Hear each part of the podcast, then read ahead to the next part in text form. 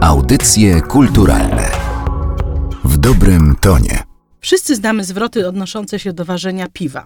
Naważyć piwa, który znaczy tyle co zrobić, coś co ma przykre konsekwencje, i wypić piwo, którego się naważyło, czyli ponosić negatywne konsekwencje własnego postępowania. Zastanawiać w nich może to, dlaczego czynność powodująca złe skutki została porównana do ważenia piwa.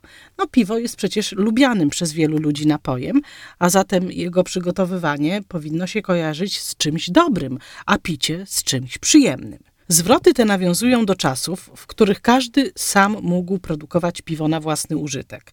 Każdy zatem dosłownie pił takie piwo, jakie sam naważył.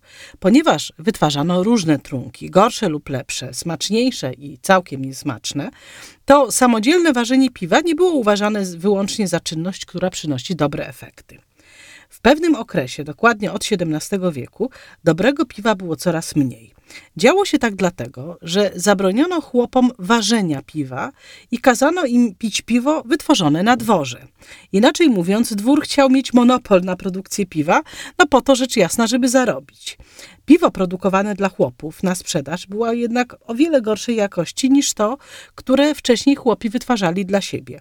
Nie chcieli go zatem pić i żeby uzmysłowić panu, że jest ono niesmaczne, czasami zmuszali go do spożycia go, nawet mu wlewali to piwo do ust i tutaj mamy dosłowne zastosowanie zwrotu wypić piwo, którego się naważyło. Z ważeniem piwa wiąże się też pewne przysłowie. Sama nazwa piwa w nim nie występuje, ale niewątpliwie powstało ono z obserwacji procesu wytwarzania trunku.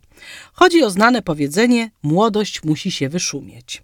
Otóż jednym z etapów ważenia piwa, a także innych napojów, np. wina, jest fermentacja.